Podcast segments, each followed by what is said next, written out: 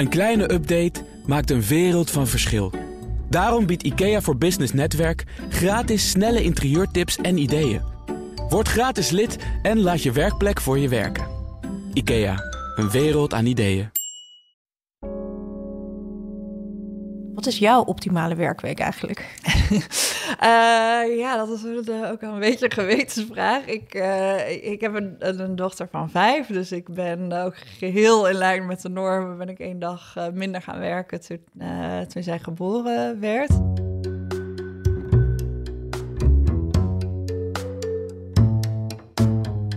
Ik werk, het verschilt een beetje per week. Ik denk zo van ja, 45, 50. Als het een keer laat geworden is door de week, dan kan ik om 11 uur beginnen. S'avonds kan ik soms doorwerken. Dus je hebt heel veel flexibiliteit. En dat leidt ook tot veel minder stress. En daardoor is het ook wat makkelijker om, om veel uren te, te maken. Je hoorde net socioloog Anne Roeters en arbeidseconoom Pieter Gauthier. Met hen praat ik over de optimale werkweek. Vergeleken met de rest van de wereld hebben Nederlanders korte werkweken en zijn we kampioen deeltijd werken. Maar kunnen we ons dat eigenlijk nog wel veroorloven? Wat heeft de economie nodig? En als je de balans zoekt tussen werk en welzijn, is er dan een soort optimale werkweek samen te stellen? Dat zoek ik, Anna Dijkman, uit in deze aflevering van Toegevoegde Waarde. Ik begin bij Pieter Gauthier, arbeidseconoom en hoogleraar aan de VU. En bespreek met hem hoe de werkweek door de tijd is veranderd. Want we werken nu vijf dagen, vier is eigenlijk al heel normaal geworden. Maar mijn opa die werkte ook nog op zaterdag bijvoorbeeld. Ja, dat klopt. Ja, we hebben heel lang een eh, werkweek gehad van 70 uur en zes dagen per week. En eigenlijk een beetje aan het einde van de 19e eeuw begonnen de wetten te ontstaan om wat minder te werken. Dus eerst werd de kinderarbeid afgeschaft. Toen uh, kregen vrouwen privileges, althans dat dachten we, die uh, hoefden minder te werken. Maar uiteindelijk hadden vrouwen daar vooral last van, want die werden minder snel aangenomen. Of ontslagen. Hè? Of ontslagen zelfs. Dus heel vaak uh, goed bedoelde wetten die pakken heel slecht uit. Dus dat is een, een, les voor beleidsmakers, nu nog steeds.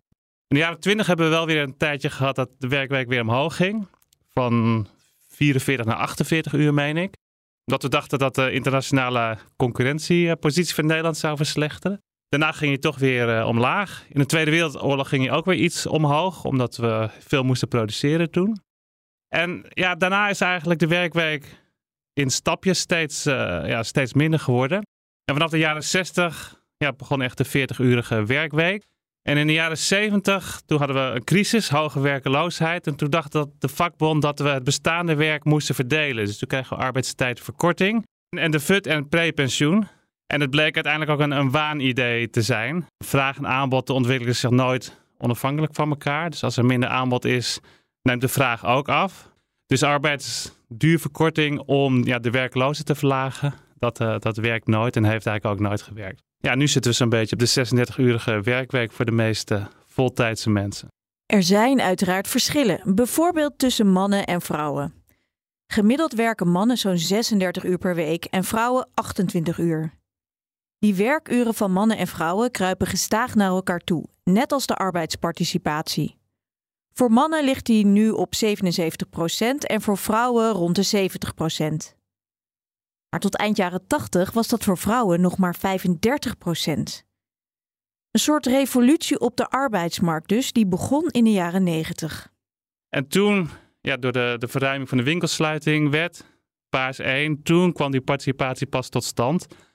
En toen gingen vrouwen natuurlijk niet gelijk van 0 naar 40 uur. Dus die begonnen voorzichtig met uh, 10, 20 uur. En langzaam werd dat de norm. En de norm is niks anders dan wat de meerderheid doet. En zo is dat een beetje gegroeid in, in Nederland. Die deeltijdnorm zit heel diep in onze maatschappij ingebakken. En niet alleen bij vrouwen met kinderen, valt socioloog Anne Roeters op. Zij doet bij het Sociaal Cultureel Planbureau onderzoek naar onze tijdsbesteding. We zien dat die jonge vrouwen vaak al anticiperen op later. Dus dan denken ze van, nou, dan ga ik nu alvast uh, vier dagen werken, want ik denk dat ik dat over, uh, over tien jaar ook zal doen. Dat werkgevers daarop anticiperen. Dus in de, in meer de vrouwensectoren uh, ja, worden eigenlijk ook standaard deeltijdbanen aangeboden. Dus moet je echt iets doorbreken als je voltijd wil werken. En in de periode dat kinderen groter worden, uit huis gaan, dan zien we dat vrouwen ja, gewend zijn aan die werkweek zoals ze die hebben. Dat er ook weer uh, andere zorgactiviteiten in de plaats kunnen komen. Dus bijvoorbeeld mantelzorg. Waardoor het eigenlijk heel zelden gebeurt dat vrouwen op dat moment hun werkweek uh, uitbreiden.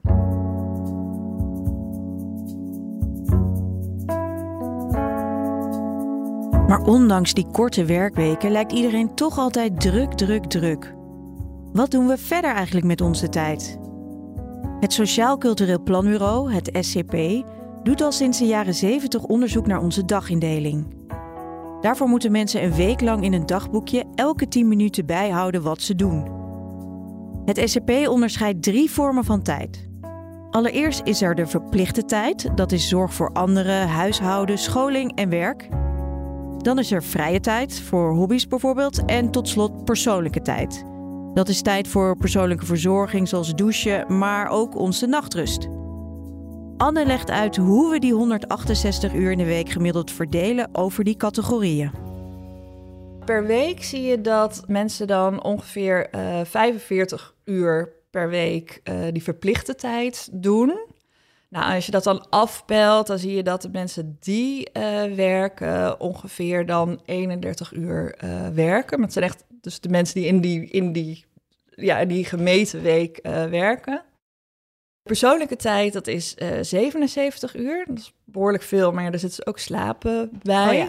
Er wordt heel vaak gedacht dat we heel weinig slapen. Maar eigenlijk als we naar onze eigen data zien, dan zien we dat echt een ruime meerderheid van de mensen gewoon die acht uur per nacht prima haalt. En dan is vrije tijd is ongeveer uh, eh, 43 uur per week. Dus je ziet dat zeg maar de, ja, de verhouding tussen die verplichte tijd en die vrije tijd eigenlijk heel gelijk uh, is. Ja. En als je, want je vertelde hè, dat, er, uh, dat jullie eigenlijk data hebben vanaf de jaren 70. Ja. En als je de, die met elkaar vergelijkt, zie je daar veranderingen in? Ja, veel minder dan je zou denken. Oh, uh, ja. dus dat is uh, wel heel interessant om, uh, om te zien. Eigenlijk hebben we min of meer, ja, die, die categorieën en de verhouding daartussen, die zijn eigenlijk min of meer gelijk gebleven door de tijd heen. Er zijn wel wat dingen ja, binnen die categorieën verschoven. Dus bijvoorbeeld, vrouwen zijn wel echt heel erg veel meer gaan werken. Maar er staat tegenover dat ze weer uh, veel minder zijn gaan zorgen en in het huishouden gaan doen. Dus die, die twee ontwikkelingen, ja, die cancelen elkaar eigenlijk uit binnen dat kopje verplichte tijd. Waardoor je daar eigenlijk niet zo heel veel verschil in is dat ziet. dankzij uh, nieuwe technologie op huishoudengebied, betere wasmachines en dat soort dingen? Of zeg Niet maar wat alleen, hoor, maar... Nou, gewoon ook dingen die minder belangrijk worden okay. uh, gezien. En is het ook zo dat mannen meer zijn gaan doen? Ja, maar overal wordt er wel echt minder tijd aan het huishouden besteed dan uh, in de jaren zeventig. Ja. Dus er is meer naar vrouwen zijn meer gaan werken, zijn iets minder gaan zorgen. Zie je nog andere veranderingen? Vrije tijd misschien? Of? Nou ja, wel dat, dat natuurlijk bepaalde vormen van vrije tijd die komen op, uh, die verdwijnen. Dat, dat zie je. Maar dus ja, inderdaad, de hoeveelheid vrije tijd, die, die blijft dus heel erg gelijk. Dat is best wel in tegenspraak ja, met het idee dat toch wel vaak in de samenleving leeft. Dat we allemaal heel erg veel drukker zijn geworden. Ja. Nou, er zijn heel veel manieren om daar naar te kijken. Maar als je echt dat zou zeggen van... oké, hebben we nu minder vrije tijd dan vroeger? En dan is het antwoord op basis van de data er wel echt uh, nee. We zijn wel iets meer gaan multitasken. Dus dat zou wel een factor kunnen zijn. Dus uh, dat zal ongetwijfeld te maken hebben met uh, ja, smartphones, uh, media, die nu gewoon, ja, je kan veel makkelijker twee dingen tegelijk doen dan vroeger dat je op je werk zit, maar tegelijkertijd ben je ook het verjaardagsfeestje van je dochter aan het regelen. Ja, daar wordt de tijd uh, ja, intensiever, zeggen we soms van. Dan, dan, ja, dan, dan is één uur waarin je eigenlijk twee dingen doet, kan drukker voelen dan een uur waarin je gewoon op één iets aan het focussen bent. Ik zou nog wel uh, willen weten wat er bekend is over wat mensen eigenlijk zelf zouden willen. Ja, daar hebben we in het tijdbestedingsonderzoek uh, niet direct onderzoek naar gedaan. Wat, je wel weet, wat ik wel weet uit breder onderzoek is dat dat, ja, een heel flauw antwoord, dat dat heel, heel persoonlijk is. Dat dat mhm. natuurlijk heel erg afhangt van hoe gedreven je bent in het werk, uh, hoe leuk je werk is, hoe combineerbaar je werk is met uh, andere zaken. Dus die, ja, die beleving van werk hangt voor een heel belangrijk deel ook af van de, van de kwaliteit van werk. Het SCP kijkt hoe we onze tijd in de praktijk indelen. Maar hoe kijkt arbeidseconoom Pieter Gauthier hiernaar? Wat is eigenlijk goed voor onze economie? En hoe zit het met de arbeidsparticipatie en de arbeidsproductiviteit? Als je kijkt naar Nederland als land is de arbeidsproductiviteit helemaal niet zo erg hoog. Die is eigenlijk vrij laag. Dus dan delen we uh, het, het, het, het, BBP, wat we met z'n allen verdienen, door het aantal gewerkte uren in Nederland. En wat is ja, grappig om te zien in Nederland. Nederland is een uitschieter. Uh, dus aan de ene kant is de participatie heel erg hoog. Dus het aantal mensen wat, wat deelneemt aan de arbeidsmarkt. Aan de andere kant is het aantal mensen wat voltijds werkt is heel erg laag. Met name onder vrouwen is uh, eh, 70% die, die werkt niet voltijds. Dus heel veel mensen doen mee. En dat is denk ik supergoed, ook voor een samenleving. Hè? De, als mensen helemaal niet meedoen met het arbeidsproces, dan ben je vaak ook buitengesloten. Maar de mensen die, die meedoen, die werken relatief weinig. Dus dat is heel, heel bijzonder in Nederland. En die combinatie die verklaart ook voor een deel die lagere arbeidsproductiviteit. Omdat ja, in sommige landen zijn mensen met een lage productiviteit, die doen helemaal niet mee. En bij ons doet iedereen mee. Ja, precies. Dus dat leidt tot een iets lager gemiddelde. Ah, maar dat hoeft niet per se heel, heel slecht te zijn. Waarom niet? Nou, stel je voor dat we in Nederland besluiten... alleen de 100 meest productieve mensen, die laten we werken. Mensen die heel veel verdienen. Dan hebben we super hoge arbeidsproductiviteit. Hè? Wat, wat die mensen verdienen gedeeld door die uh, eh, 100 mensen. Uh, ja, want dat zijn de toppers. Dat zijn de toppers. Ja. Maar uiteindelijk zijn we natuurlijk niet goed af als Nederland. Nee, precies. Want de rest doet dan niet mee. Exact, ja. Ja, ja. ja. want ik dacht eigenlijk dat wij altijd een beetje uh, van... nou, we werken misschien niet zoveel uren... maar de uren die we werken, werken we wel uh, hard. Of ja, ik weet niet of je dat zo kunt noemen, maar... Maar dat, dat klopt ook wel voor heel, heel veel mensen. Hè? Dus de, de, de meeste, als je bijvoorbeeld uh, conditioneert op het aantal hoge opgeleiden... Uh, of mensen met een specifieke opleiding, mag ook een middenopleiding zijn. Binnen die groep is de productiviteit gewoon wel, wel doet, doet Nederland het gewoon wel goed. Oh, Oké. ja. Oh, dat dan weer wel. Nee, dat, dat, dat klopt inderdaad. Maar die, dus het lage gemiddelde komt voor een deel omdat zoveel mensen meedoen in Nederland. Ja. Men die in mensen die in andere landen misschien niet mee zouden doen. Ja, precies. Dus het is eigenlijk misschien minder positief, maar wat erachter zit is eigenlijk wel weer ja, precies, positief. Ja, ja.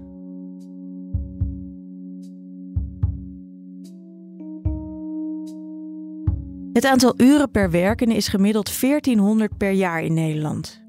Dat was begin jaren 70 nog 1800 uur. Maar dat waren dus eigenlijk alleen de mannen.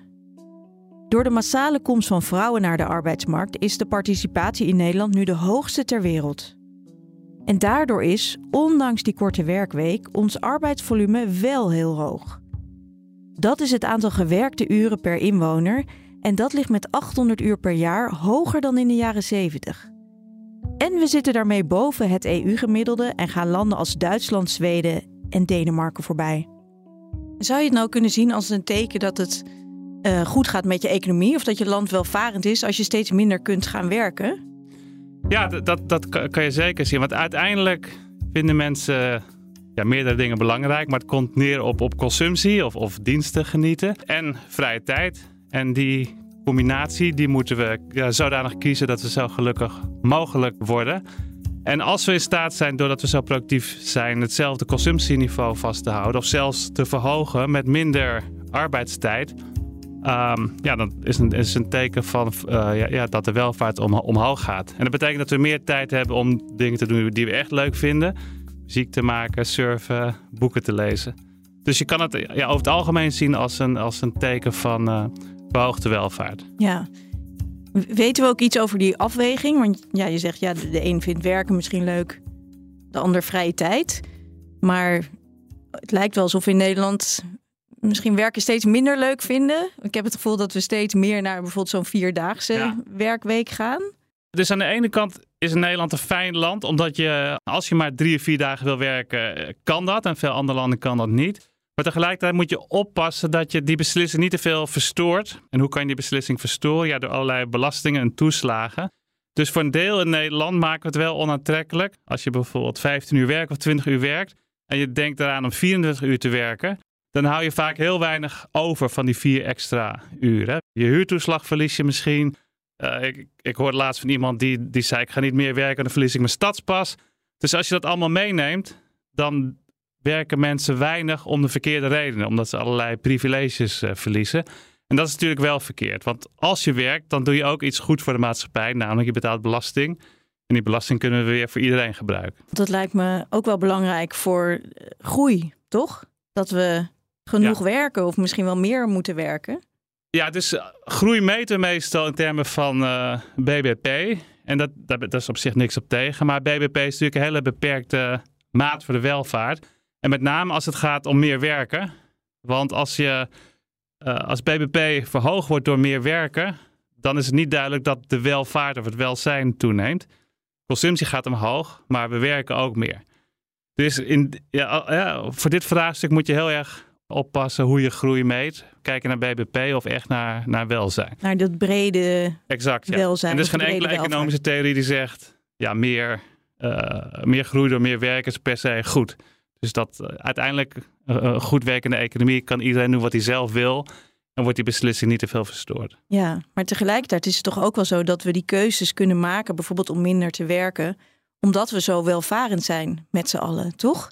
Ja, dus het is, het is wel een luxe keuze. Het is uh, 150 jaar geleden, toen we die uh, zesdaagse werkweek hadden van 70 uur, toen hadden we die luxe niet. Hè? Er, er, er, waren nauwelijks uitkeringen, dus we moesten wel zo lang werken. Ja. Dus uiteindelijk heb je een hoge productiviteit nodig om die, die afweging te, te, te kunnen maken. Ja, en als je kijkt naar onze productiviteit, als we die willen verhogen, moeten we dan meer werken of moeten we anders werken? Beter, slimmer? Wat kunnen we daar doen? Ja, dus qua participatie kunnen we niet heel, uh, heel veel meer doen. We kunnen wel meer uren werken. Zeker als de productieve mensen meer uren zouden werken, zouden de productiviteit verhogen. En het belangrijkste is denk ik dat we mensen op betere plekken terecht zouden kunnen laten komen. Wat bedoel je daarmee? Nou, in een goed werkende arbeidsmarkt stroom je door naar de plekken waar je het meest productief bent. En natuurlijk ook het werk wat je het leukste vindt. Maar nu zie je bijvoorbeeld allerlei problemen op de huizenmarkt. Ja, als jij een hele goede baan in Rotterdam aangeboden zou krijgen, waar je veel productiever bent, werk dat je leuker vindt, dat beter bij je past. Maar je hebt bijvoorbeeld hier een woning, dan zou je niet heel snel uh, verhuizen naar Rotterdam. Zeker als je bijvoorbeeld een sociale huurwoning hebt, want ja, voordat je weer een nieuwe vindt, het kost, uh, kost heel lang. En daarnaast zie je ook de manier waarop we arbeidsmarktcontracten hebben vormgegeven, die, die verstoort ook vaak de beslissing. Dus is nog steeds, als je een vast contract hebt, heb je heel veel voordelen ten opzichte van een tijdelijk contract. Maar als je een vast contract hebt en een baan die je niet zo leuk vindt, dan bedenk je ook wel twee maal voordat je een nieuwe baan accepteert, waarbij je weer met een flexibel of tijdelijk contract begint. Dus dat leidt er ook toe dat mensen langer blijven zitten op plekken waar ze niet helemaal uh, ja, zijn. Ja. Dus we zitten daar een beetje vast eigenlijk. We zetten onszelf een beetje vast uh, in die zin. Ja, en een land als Frankrijk, dan zie je die, die verschillen tussen vast en, en tijdelijk, die zijn helemaal groot. En daar zie je dat ook veel extremer nog. Hè? Dus dat mensen bewegen helemaal niet. Jongeren als die allemaal uh, werkeloos zijn, vinden die nooit meer een nieuwe baan. dus ja, dat is wel een, uh, een waarschuwing als je kijkt naar dat land. Dat is niet goed voor je economie. Dat is niet goed, goed voor je economie, nee. nee. nee. dus, dus, dan hebben we veel mensen die werken, maar als mensen niet op de goede plekken zitten, heb je toch een lagere productiviteit dat je zou kunnen genereren. Dat vind ik ook wel interessant. En we hebben natuurlijk ook wat dan vaak onbetaalde arbeid wordt genoemd. Dat is zorg voor kinderen of uh, voor ouderen of anderen die mantelzorg nodig hebben, het huishouden. Is het nou eigenlijk beter om dat te formaliseren of om dat in dat informele te laten? Ja, ja, beter is ook weer moeilijk te zeggen, want het hangt natuurlijk ook weer van persoonlijke situaties af. Aan de ene kant zou je zeggen, specialisatie is goed. Hè? Daarvoor ja, is Nederland heel, heel erg gegroeid. Niet iedereen kan alle taken eh, zelf doen. Dus staan mensen in staat om te doen wat ze goed kunnen en laat andere dingen doen eh, die ze minder goed kunnen. En die hele mantelzorg, als jij voor je ouders zorgt, dan telt dat niet op tot het BBP. Terwijl als ik jouw ouders verzorg en ik krijg ervoor betaald, dan telt het wel op tot BBP. Dus dat geeft ook weer aan dat, dat BBP als maat van hoe economisch succesvol we zijn heel erg vertekenend is. Ja. En de trend het lijkt wel een beetje dat veel meer mensen die dingen zelf moeten doen. Bejaardentehuizen zijn afgeschaft.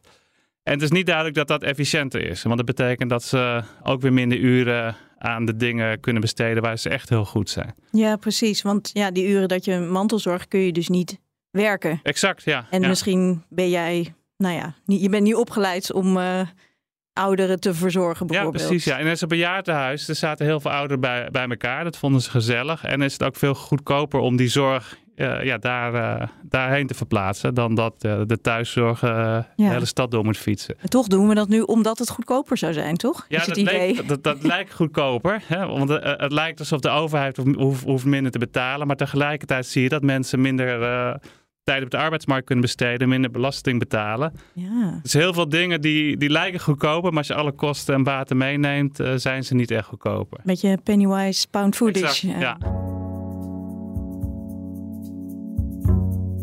Ja, we hebben uiteindelijk maar 24 uur in een dag. Kun je eigenlijk wel vragen of mensen en meer gaan werken en meer gaan zorgen, zoals de overheid wil? Hebben we daar eigenlijk wel tijd voor? vroeg ik aan socioloog Anne Roeters. Of moeten we gewoon onze vrije tijd opofferen? Er zijn sommigen, uh, sommigen die daar inderdaad voor pleiten. Dat is natuurlijk de term deeltijdprinsesjes. Uh, die kennen we allemaal. Die suggereert inderdaad dat vrouwen op het moment dat ze niet werken... Lekker aan Netflixen zijn. Nou ja, we weten dat eigenlijk heel veel van die tijd... naar de zorg voor het huishouden, voor kinderen gaat ja, zorg kan je, is ook werk. Het is niet betaald, maar je, je, ja, het is ook een activiteit. Het, is, kost uh, energie, het kost aandacht. Je brengt de samenleving er ook echt wel mee vooruit. Want er moet nou ook voor mensen worden gezorgd. Uh, dus als je het er zo naar gaat kijken, ja, dan zou je eigenlijk zeggen, dat zeggen wij ook wel tegen, tegen de politiek en bestuur, van ja, denk nou eens na over wat, wat vind je belangrijkst. Als je het en belangrijk vindt dat mensen mantelzorg gaan geven, want dat, dat zegt de overheid ook. En je wil dat uh, mensen meer gaan werken. Nou ja, dat, dat, dat komt bij dezelfde mensen terecht. Dus daar moet je je bewust van zijn. Je moet wel inderdaad realistisch zijn van we gaan niet, we hebben niet over een aantal jaar meer uren in de dag. Ik zie zelf ook niet gebeuren dat mensen daar heel veel vrije tijd of slaap, uh, wat dan ook voor op gaan uh, geven. Nee, en dat is natuurlijk ook als we kijken naar het welzijn van mensen. Precies, ja. Die hebben natuurlijk ook bepaalde voorkeuren daarin. Want dan ja. is het misschien vanuit het macro-perspectief wel goed als mensen meer werken, of bijvoorbeeld vrouwen meer werken. Ja. En misschien vrije tijd moeten opgeven. Maar als je kijkt vanuit welzijnsperspectief, Precies, ja. Dan is dat weer wat minder natuurlijk. Ja, daarom. Dus dat, dat is ook inderdaad waar je zeker vanuit brede welvaart denken, ook als, als overheid oog voor zou moeten hebben. Het is ook goed om er rekening mee te houden dat op het moment dat mensen te veel tijdsdruk gaan ervaren, ze ook keuzes gaan maken. Dus dat zien we bijvoorbeeld bij mensen met hele intensieve mantelzorgtaken dat het ja, best wel vaak gebeurt dat die uh, minder gaan werken en in uiterste gevallen zelfs stoppen met werken. Dus ik denk dat je daar ook uh, korte en lange termijn uh, uit elkaar moet trekken en echt na moet denken hoe kunnen we mensen nou op duurzame wijze breed laten participeren, zodat we geen roofbouw gaan plegen op mensen en ze ofwel ja, in een burn-out raken, ofwel er gewoon zelf bewust voor kiezen van, nou nee, sorry, ik ga toch echt uh, prioriteren. Ik ga mijn leven simpeler maken en ik, uh, ik stop met werken. En dan ben je nog verder van huis. Ja, want we willen onze welvaart natuurlijk wel behouden. En vanwege de vergrijzing moet de koek die we met z'n allen verdelen door veel minder mensen worden opgebracht. Dus we zullen meer of slimmer moeten werken. Het is trouwens wel een misvatting dat als er meer gewerkt wordt, er geen tekorten meer zullen zijn op de arbeidsmarkt. Meer werken zorgt namelijk ook voor meer vraag in de economie. Naar meer en nieuwe diensten en producten. Daardoor komen er ook steeds weer nieuwe banen bij. Ook nieuwe technologie zorgt voor nieuwe banen. Dus die 15-uurige werkweek die de beroemde econoom Keynes zo'n 100 jaar geleden voor zijn achterkleinkinderen voorzag, zal er misschien wel nooit komen. Nee, ik denk dat Keynes in zijn tijd trok hier wel het lijntje een beetje door. Ja. Het ging heel hard. We gingen van 50 naar- vrij snel naar 40. Dus als je dan eh, het lijntje doortrekt, zouden we nu op 15 moeten zitten. Maar het is een beetje eh, ja, vlak gebleven. En het heeft ook, ook te maken, denk ik, als je 70 uur werkt, dat is denk ik wel vervelend. Dan het wordt moeilijk om je hobby's te onthouden. Maar mensen, veel mensen vinden werk ook wel leuk. Het geeft ze inhoud. Dus die hoeven niet per se minder dan 36 of 30 of 20 uur te werken. Ja. Dus dat zou ook kunnen verklaren waarom we niet uh, naar de 15 uh, ja. gegaan zijn. Want eigenlijk is werk dan ook een soort zingeving misschien wel. Ja, absoluut. Ja, ja, dus, ja dat is interessant van, van de arbeidsmarkt. Het, het, het is niet alleen een product. Het is ook iets wat mensen zin en inhoud geeft. En nogmaals, daarom is het heel goed wat we, dat we in Nederland heel veel mensen in ieder geval mee laten doen. In ieder geval een beetje mee laten doen. Werk is heel belangrijk. Goed werk, laat ik dat vooropstellen, uh, kan, kan heel veel bieden aan mensen. Dus het uh, zingeving, uh, je onderdeel voelen van de samenleving, sociale contacten, ontwikkeling. Nou, er zijn echt heel veel hele positieve effecten van werk. Maar dat hangt wel echt af van de kwaliteit van werk. Dus hoeveel je uit je werk haalt, hoe vermoeiend het is, hoe zeg maar de balans is tussen wat het vraagt en wat het oplevert. Dat zal echt heel anders zijn voor een uh, universiteitsprofessor die alle ruimte heeft om lekker te onderzoeken wat hij of zij wil. En voor iemand die uh, hele onregelmatige diensten in de zorg werkt, uh, constant tegen allemaal tekorten oploopt en ja, daardoor eigenlijk helemaal niet aan de eigen ontwikkeling en de zingeving, et cetera, toekomt. Dus ik denk dat het heel belangrijk is om ook echt te kijken naar van nou, hoe wordt die werktijd dan besteed? Welke mogelijkheden krijg je daar, maar ook welke ja, grenzen loop je daar tegenaan? Als je nou, stel we leggen de economie op de tekentafel en we gaan de optimale werkweek gaan wij samenstellen. En dan kijken we naar wat goed is voor de welvaart in BBP, maar ook naar welzijn. Komt daar iets uit of kan jij dan iets voor jezelf? Zie jij dan iets? Een schets? Ik vind het een hele interessante uh, vraag. Ik, heb het heel vaak bij de, bij de huizenmarkt heb ik me die vraag gesteld. Als we Nederland, uh, zouden we 60% aan landbouwgrond doen als we Nederland opnieuw zouden indelen? Dan zou je waarschijnlijk zeggen nee. Voor de arbeidsmarkt is het niet zo heel evident dat we het heel anders zouden doen, denk ik. En dit is wat ik zeg nu een open deur, maar heel vaak missen mensen toch open deuren. En de open deur is dat iedereen anders is. Dus we hebben allemaal verschillende consumptiepatronen. Sommige mensen vinden consumptie heel belangrijk, willen heel graag een mooie dure auto. Andere mensen willen uh, zich graag ontwikkelen, spelen in een bandje of houden van surfen. En sommige mensen vinden werk superleuk, sommige mensen vinden werk niet zo leuk. Dus in een goed werkende maatschappij wil je eigenlijk iedereen kunnen bedienen. Dus zoveel mogelijk mensen hun eigen voorkeur laten, laten kiezen. Ik denk wel dat we iets meer zouden na moeten denken over, over de prikkels en de toeslagen. Hè? Dus ik denk dat dat de boel al iets te veel verstoort. Dus als je dat allemaal zou, zou perfectioneren, zouden de mensen denk ik iets meer uren werken.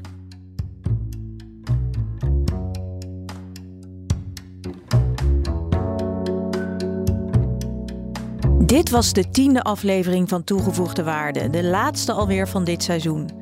Maar hopelijk komt er snel weer een nieuwe serie, dus als je je abonneert op onze feed, hoef je niks te missen. Heb je opmerkingen of heb je zelf een vraag over de economie die je graag uitgezocht wil hebben? Mail ons dan op podcast.fd.nl of stuur me een DM op Twitter, Anna Dijkman. Redactie en montage van deze podcast was in handen van Yilda Bijboer en van mij. De muziek komt van Gijs Vriezen. Dank voor het luisteren en ik hoop tot snel.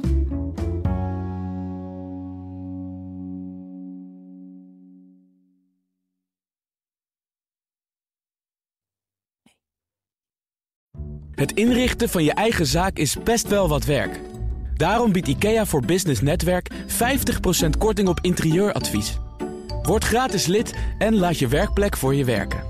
IKEA, een wereld aan ideeën.